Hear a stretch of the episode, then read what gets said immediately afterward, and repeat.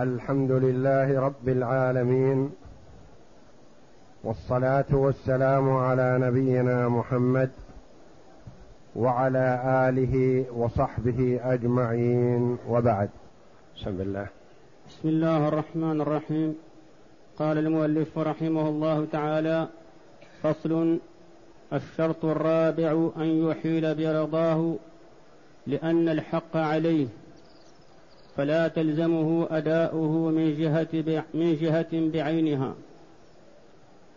ولا يعتبر قول المؤلف رحمه الله تعالى فصل الشرط الرابع. يعني الشرط الرابع من شروط صحة الحوالة.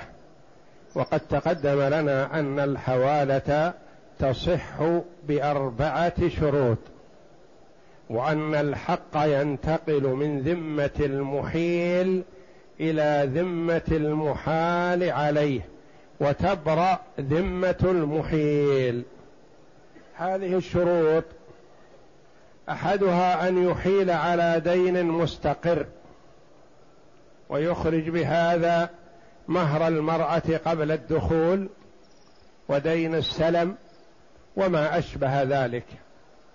وقيمة المبيع في مدة الخيار وغير ذلك من الأشياء والأثمان غير المستقرة.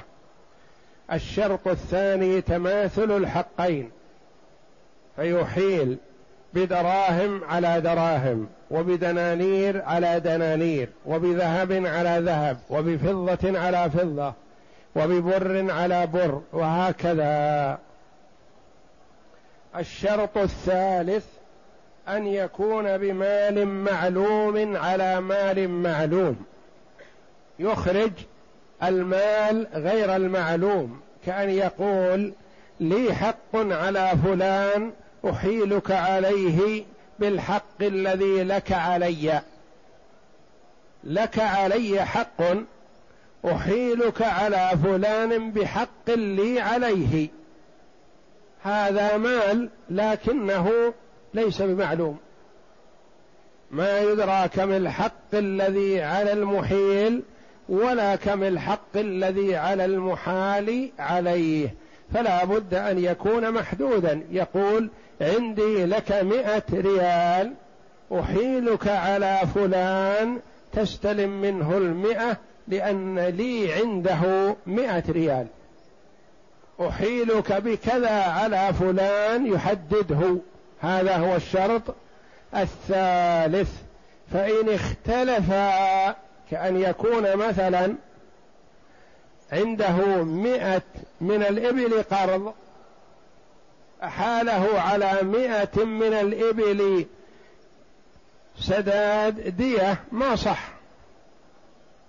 لأنه يلزم في القرض أن تكون مثل ما أخذه المقترض. أو على ثمنها. بينما الدية تكون فيما يقع عليه الاسم في أقل ما يقع عليه الاسم. ولا يقول أريد من النوع الجيد أو نحو ذلك لأنهما يختلفان. فلا بد أن يكونا شيء واحد. فإن حال بمائة من الإبل دية على مائة من الإبل دية صح لأنهما متساويان. وأما إذا كان أحدهما قرض والآخر دية أو أحدهما مبيع والآخر كذا ما صح لانها لأن الدية تصح في كل ما يصدق عليه الاسم بينما القرض يجب أن يكون مثل النوع الذي أقرضه. الشرط الرابع أن يحيل برضاه. فلا يتم تتم الحواله إلا برضا المحيل. لأن عندنا محيل ومحال ومحال عليه ومحال به وهو المال. أربعة. محيل وهو الرجل الذي أعطى الحوالة. محال وهو الرجل الذي أخذ الحوالة. محال عليه وهو الرجل الذي طلب منه تسديد هذه الحوالة. ومحال به وهو المال الذي أحيل به. أربعة. واحدة التي هي المال هذه هي, هي مال. بقي الثلاثة. المحيل والمحال والمحال عليه. يلزم رضا المحيل الأول ولا عبرة برضا المحال عليه. أحدهما يلزم رضاه والثاني لا يعتبر الرجوع إليه ولا رضاه. المحال هو الذي فيه تفصيل سنعرفه إن شاء الله. المحي المحيل يلزم رضاه يعني يوجه يقول خذ الحق الذي لي على زيد المحال عليه لا يلزم رضاه ولا يعتبر المحال الذي أعطي الحوالة هذا هو الذي فيه تفصيل. فرق بين أن يكون المحال عليه ملي أو غير ملي. اشترط أن يكون المحال عليه ملي أو لم يشترط. المحال عليه حي أو مات بعد هذا مثلا بعد الحوالة هذا فيه تفصيل. ولذا قال المؤلف الشرط الرابع أن يحيل برضاه لأن الحق عليه يلزم رضاه. ما يفرض عليه بأن يقال حول فلانا بحقه على فلان يقول لا. حق فلان عندي وأنا أسدده. فيلزم رضاه. أن يحيل برضاه لأن الحق عليه. لأن الحق عليه. فهو الذي يأذن في استلام الحق ممن شاء.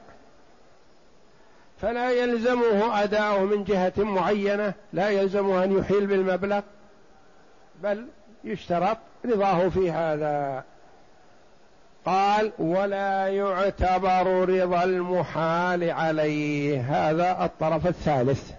هذا ما يلزم ولا ينظر له. ما يسوغ له إذا جاءته الحوالة وعليه دين مستقر أن يقول لا أنا ما أقبل الحوالة. يلزمه أن يسدد.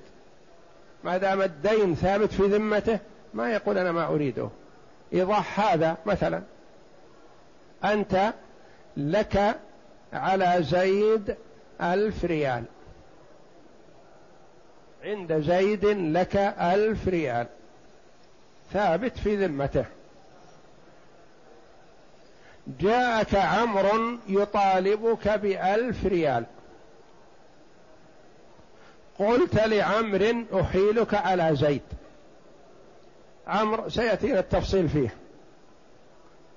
زيد أيجوز له أن يقول أنا لا ما أقبل الحوالة. حول علي غير عمرو. عمرو يرهقني عمرو يتعبني. عمرو سليط اللسان إذا أحلته علي فضحني بين الناس. لا ما له خيار في هذا. لأن الحق ثابت في ذمته فيسلمه لصاحبه أو يسلمه للمحال. الذي هو عمرو أو يسلمه لابن صاحب الدين أو لأخيه أو لجاره حسب ما يريد صاحب الحق. فالمحال عليه لا يلزم رضاه. لا يقول أنا ما أقبل حوالة زيد. لو حولت علي غير زيد قبلت مثلا. أو حولت علي غير عمرو قبلت. أنا عمرو هذا سليط اللسان يفضحني بين الناس. ما أقبل الحوالة. نقول تقبل ويلزمك أن تسدد ويأخذ منك حقه بالطريقة التي يراها مناسبة. ولا خيار لك في رده أو قبوله. نعم ولا يعتبر. ولا يعتبر رضا المحال عليه لأن للمحيل أن يستوفي الحق بنفسه وبوكيله.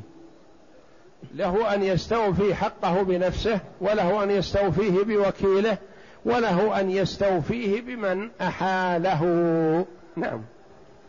وقد أقام المحتال مقام نفسه في القبض. نعم. فلزم المحال عليه الدفع إليه كما لو وكله في الاستيفاء منه. كما لو وكل شخصا آخر في الاستيفاء ممن عليه الدين يلزم من عليه الدين أن يسلم الوكيل ويستطيع الوكيل أن يجلبه إلى المحكمة والقاضي يلزم المدين بسداد الحق للوكيل. ما يقول مثلا المدين أنا ما أسلم الحق إلا لصاحبه ما دام معه وكالة معتمدة فيلزمك أن تسدد للوكيل. نعم.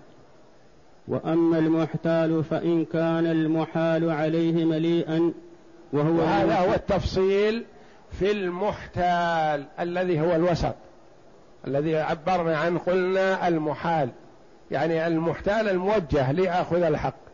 هذا هو الوسط هذا هو الذي فيه تفصيل فاسمعه. نعم.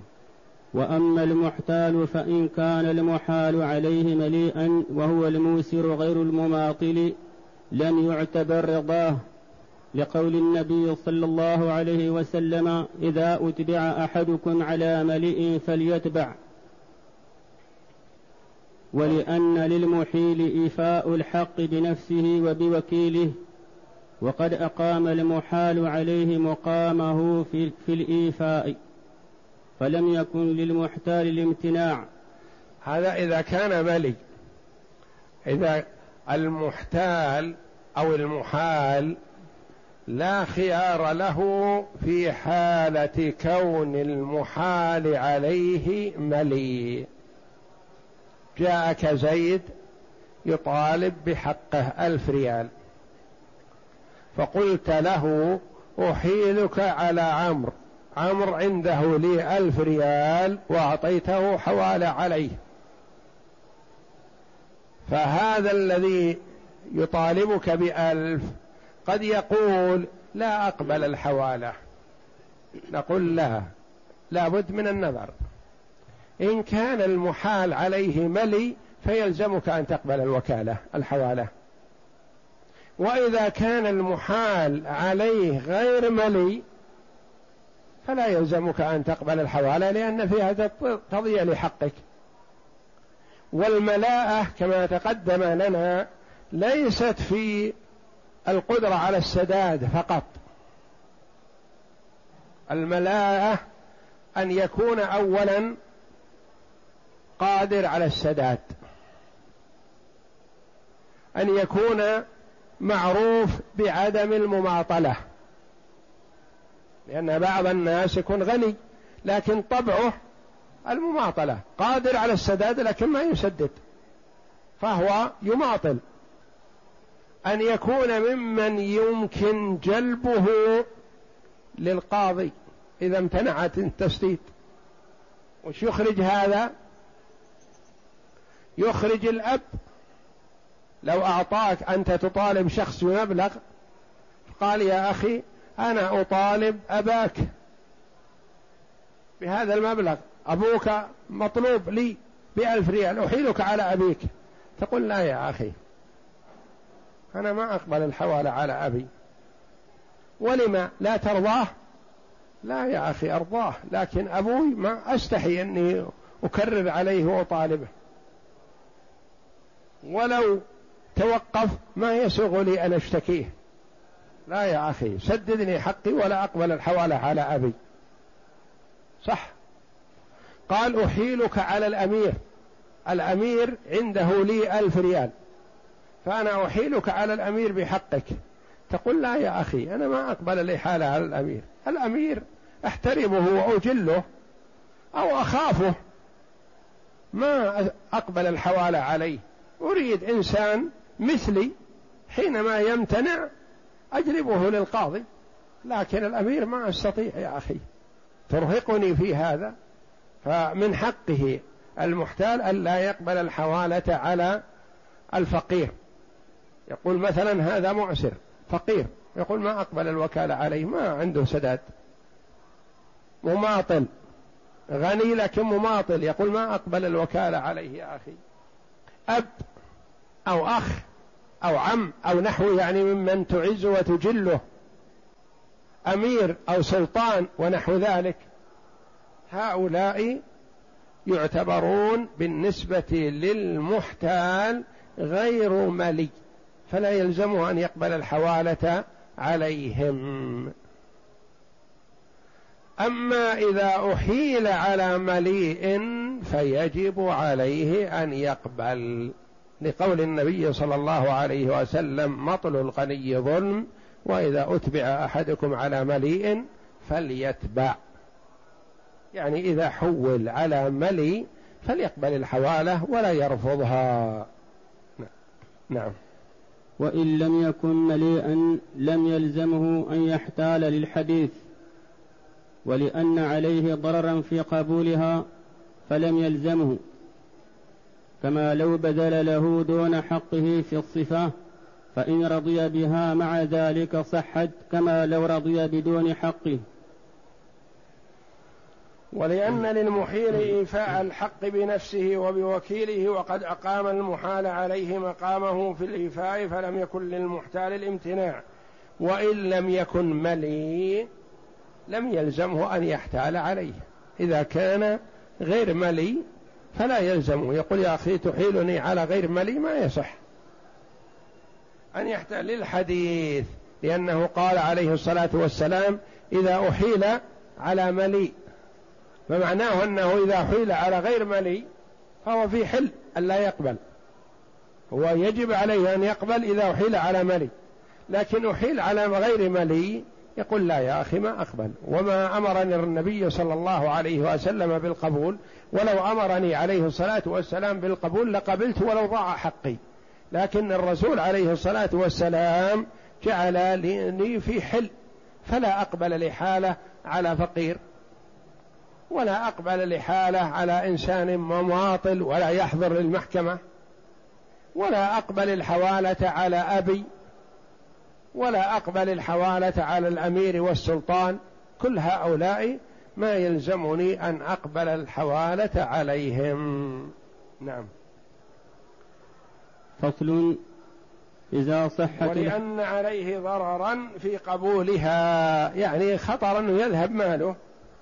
فلم يلزمه كما لو بذل له دون حقه لو أعطاه دون حقه ما يلزمه أن يقبل. بالصفة فإن رضي بها مع ذلك صحت كما لو رضي بدون حقه. لو رضي قال أريد أن أحيلك على الأمير. قال نعم أنا الأمير سلمني حقي. رضي صحت الحوالة. قال أحولك على أبيك. هو يعرف أن أباه يدفع الحق بسهولة. ولا يغضب من هذا. فقبل الحوالة على أبيه صحت. أو حوله على إنسان معروف بالمماطلة. قال مثلا وإن كان مماطل أنا أستطيع أخذ حقي منه. أو حوله على إنسان فقير قال نعم أنا أقبل الحوالة وإن كنت أعلم أن هذا فقير لكن أنا أحب أن أمهله. أنا أعرف أنه فقير لكن أنا سأحتسب في الإمهال. فأنا أحب ذلك. فقبل الحوالة على الفقير أو على المماطل أو على السلطان أو على الأب صحت. نعم. فصل. إذا صحت الحوالة برئ المحيل من الدين. لأنه لأنه قد تحول من ذمته فإن تعذر إذا صحت الحوالة برئ المحيل من الدين. إنسان حول شخصا بالحق الذي عليه. أخذ الرجل الحوالة بداله بعد أيام قال لا أحسن أرد الحوالة. أنا أريد صاحبي الأول. هل يصح؟ لا لأن الأول برئت ذمته. بالحوالة خلاص كأنه سدد. فتبرأ ذمته فلا يعود الحق عليه مرة ثانية. نعم فإن تعذر الاستيفاء.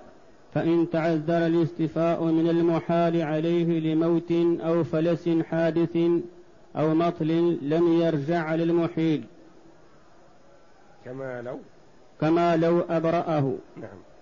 فإن تعذر الاستيفاء الرجل قال لمن عنده له حق أنا أحيلك على زيد. قال نعم أنا أقبل الحوالة على زيد زيد يسلم الحق. فأعطاه الحوالة على زيد. برئت ذمة المحيل. هذا أخذ الحوالة ذهب لزيد سلم عليه قال أريد الحق إن شاء الله. غدا أو بعد غد يعطيك الحق. خلال هذه الفترة مات. المحال عليه. والورثة متشعبون متفرقون مختلفون. يرجع على صاحبه الأول؟ لا. ما يرجع. لأن ذمة الأول برئت. بإعطاء الحوالة برئت. فلا يرجع على الأول بشيء. وهذا حظه ونصيبه. فمتى ما اتفق الورثة أو لو من حقه أن يطالب الورثة ويأخذ حقه. لكنه لا يرجع للأول لأن الحوالة تمت وبرئت ذمة المحيل. نعم. أو فلس حادث. أما إذا كان الفلس من قبل فيرجع لأنه عيب يعتبر في المحال عليه. لكن فلس حدث أخيرا. أعطاه حوالة على زيد زيد يبيع ويشتري. ووعده أن يسلمه حقه خلال أسبوع أو عشرة أيام. فإذا به يعلن فلس زيد. يرجع المحال على المحال على المحيل؟ لا.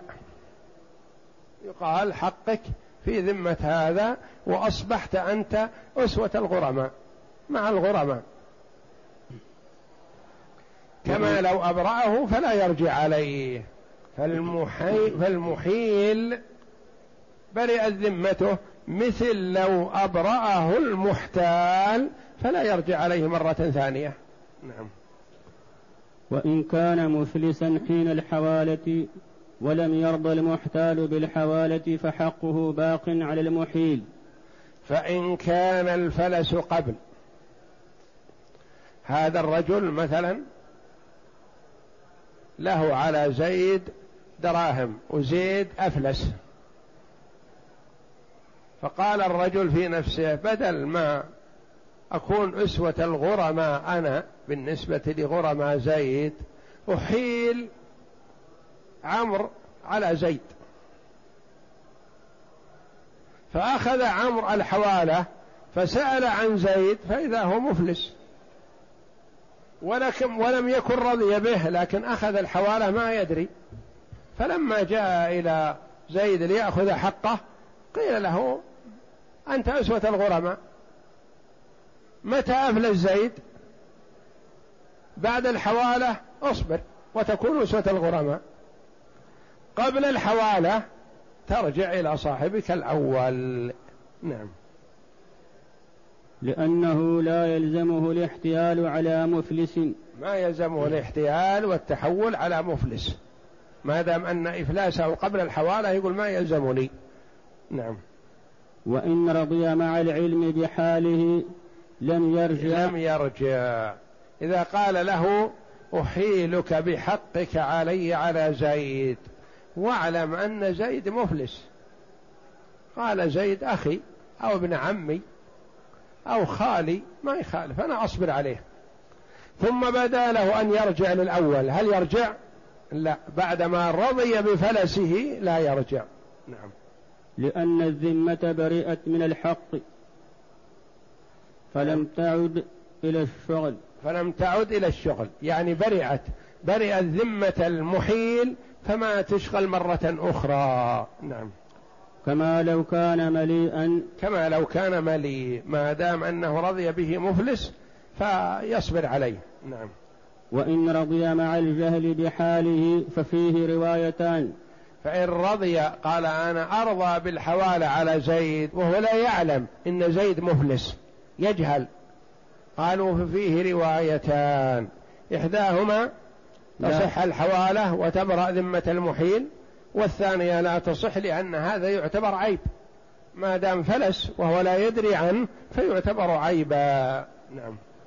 إحداهما لا يرجع لذلك والثانية يرجع لأن لأن الفلس عيب في المحال عليه فكان له الرجوع كما لو اشترى معيبا ثم علم عيبه. اشترى معيب البيع والشراء ثابت ولازم. لكن تبين أن السلعة معيبة ألا يستطيع إرجاعها؟ يستطيع يرجعها ما دام فيها عيب. فكذلك هذه الحوالة ما دام أنه تبين فيما بعد أن الرجل مفلس فذلك عيب فيرجع إلى صاحبه الأول. إلا في حال رضاه بفلسه. نعم. وإن شرط ملاءة المحال عليه فله شرطه لقول النبي صلى الله عليه وسلم المؤمنون على شروطهم رواه أبو داود. وإن شرط المحتال على المحيل بأن المحال عليه ملي فتبين خلاف ذلك رجع على المحيل لأنه خلاف شرطه. قال له أريد أن أحيلك بحقك على زيد. أتقبله؟ قال أقبله بشرط أن يكون ملي يا أخي. لكن تحيلني على إنسان غير ملي ما أقبل. قال لا هو ملي. فأعطاه الحوالة. ثم تبين أنه غير ملي. فالمسلمون على شروطهم. لأنه شرط أن يكون ملي وتبين أنه غير ملي فيرجع إلى صاحبه الأول. نعم. وفيه المسلمون ولأنه شرط شرطا مقصودا فإذا بان خلافه ملك الرد كما لو شرطه في المبيع. كما لو شرطه في المبيع. قال مثلا أشرط أن يكون أشتري هذه البقرة بشرط أن تكون حبلى. أما إذا لم تكن حبلى فلا أريدها. فتبين فيما بعد أنها ليست بحبلى فهذا من حقه أن يردها. وهكذا إذا شرط قبول الحوالة بشرط أن يكون ملي قال أحيلك على زيد عنده لي ريال يعطيك إياه. فقال أقبل بشرط أن يكون ملي. فلما ذهب وسأل عن زيد وجده غير ملي. فمن حقه أن يرجع على صاحبه الأول. والله أعلم. وصلى الله وسلم وبارك على عبده ورسول نبينا محمد وعلى آله وصحبه أجمعين.